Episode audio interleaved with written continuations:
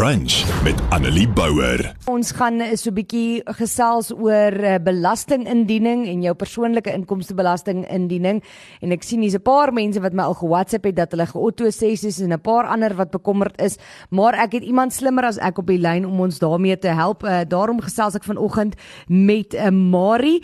Marie die Jager is 'n uh, SARS dienskonsultant.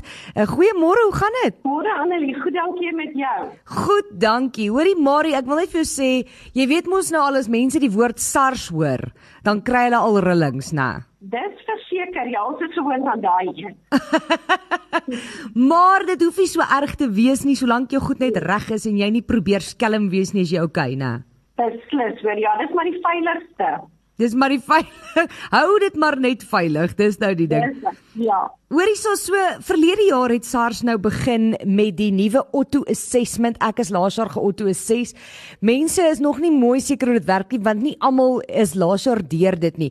Hoe weet jy as SARS jou gaan auto assess? Wat basies gebeur kyk aan nie op hierdie stadium, ehm um, SARS al die ERP5 mediese state as jy renteinkomste alle derde partye se inligting word vir ons gegee en hulle moet die inligting indien voor die einde Junie. So teen einde Junie het ons alles gekry.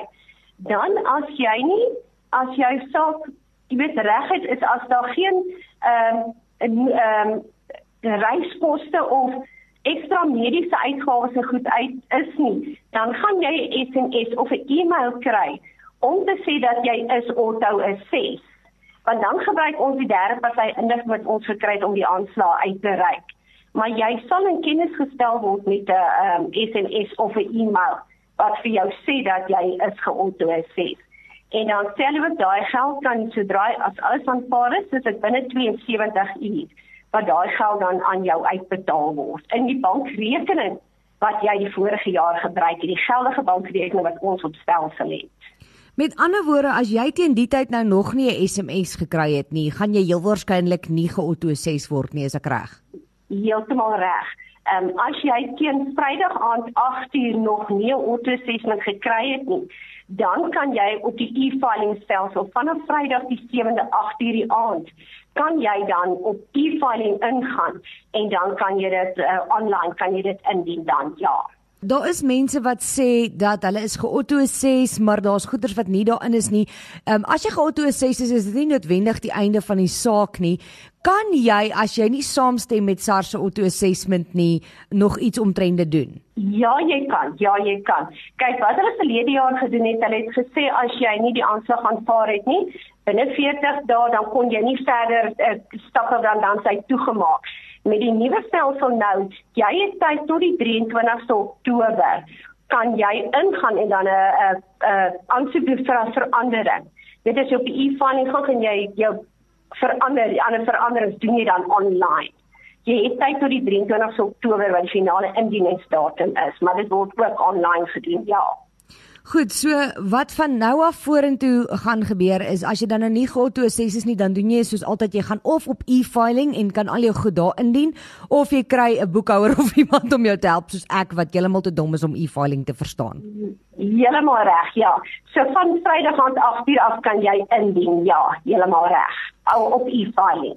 Nou, sê gou vir my, die auto assessment, hoe word mense gekies uh, om geauto assess te word? Daai is 'n stelsel. Daar wie die stelsel kyk maar dit word elektronies gedoen. Uh ons daar's baie mense wat geen ander uitgawes het gekry het nie. So daar is nie ehm um, die Afrikaanse daar's nie 'n guideline wat ek vir jou kan sê jy gaan geauto-assess word nie. Want daar's baie mense wat niks anders geëis het nie wat nie geauto-assess is nie. So dis dit die stelsel kies basies wat maar dit moet daar moet regheid wees jy moet geen ander uitgawes of niks snaaks geëis het die vorige jaar nie Goed en dan is hier 'n paar vrae ek gaan jou nou nie diep kant gooi maar ek hoor jy het daar 'n backup daar by jou om te ja. help ja. want luisteraars het nou vra ingestuur so dis nou nie iets wat ek uh, vir jou vra nie een van ons luisteraars vra wat staan hulle te doen as hulle vorige baas vir 'n paar jaar nie hulle belasting betaal het nie en hulle het ook nie 'n ERP5 vir daardie tyd gekry nie. Wat moet hulle dan doen? Dan kan jy kyk die enigste uitval kyk jy gaan basies die die onus is dan op die kliënt om te bewys dat belasting wel inge jy weet afgetrek is Dan kan hy kyk dat hy maar aanlyn 'n afspraak maak met sy naaste kantoor en dan die betaalstrokies en bankstate uh bewys, jy weet dat daar was inkomste en dat hy uitgawes geëis het, dat daar belasting afgetrek was van sy inkomste. Dan is daar iemand anders wat hierso vra, hulle is besig om hulle e-filing goeders reg te kry en hulle vra, word ADHD as 'n disability gesien?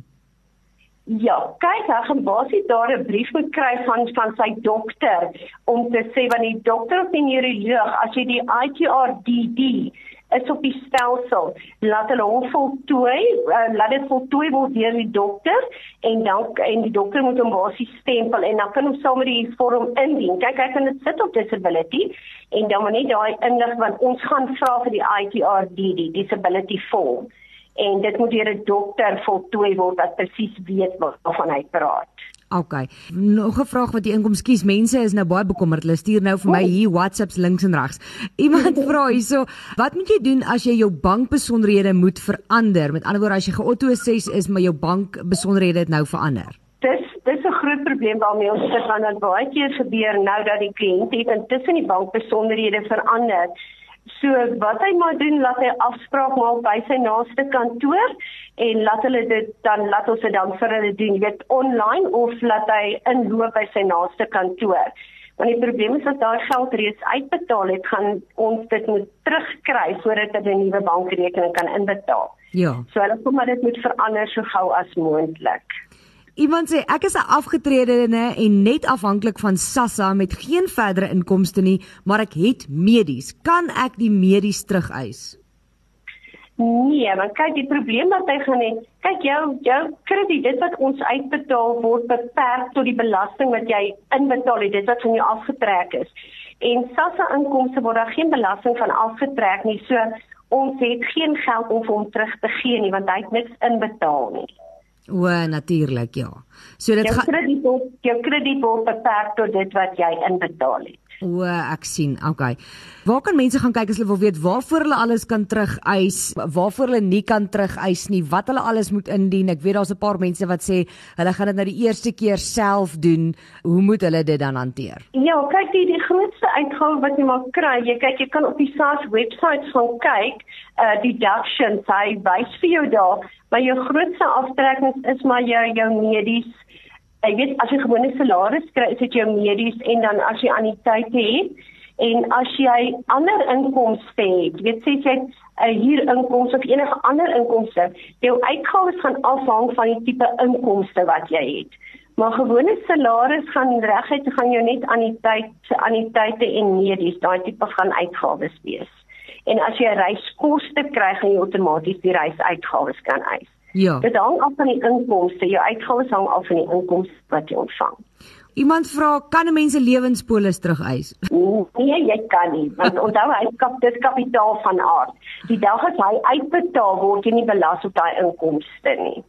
Ah, iemand sê hierso dat as hulle ERP5 foutief is en hulle is geauto 6, moet hulle dan ook 'n afspraak maak of kan hulle dit net die return edit en weer indien?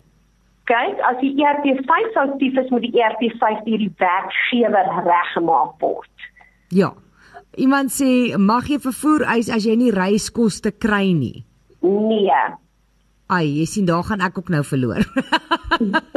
Amper word ek nou opgewonde hier. Hoorie Marie, skus ek het vir jou gesê ons gaan vir jou al die vrae vra wat wat gewone mense nie weet hoe hoe hierdie dinge werk nie. So dankie dat jy dit so so maklik en vinnig uh, geantwoord het. Hier's enetjie nog wat ek uh, nie mooi weet nie. Iemand sê hierso hulle kind is het cerebral palsy.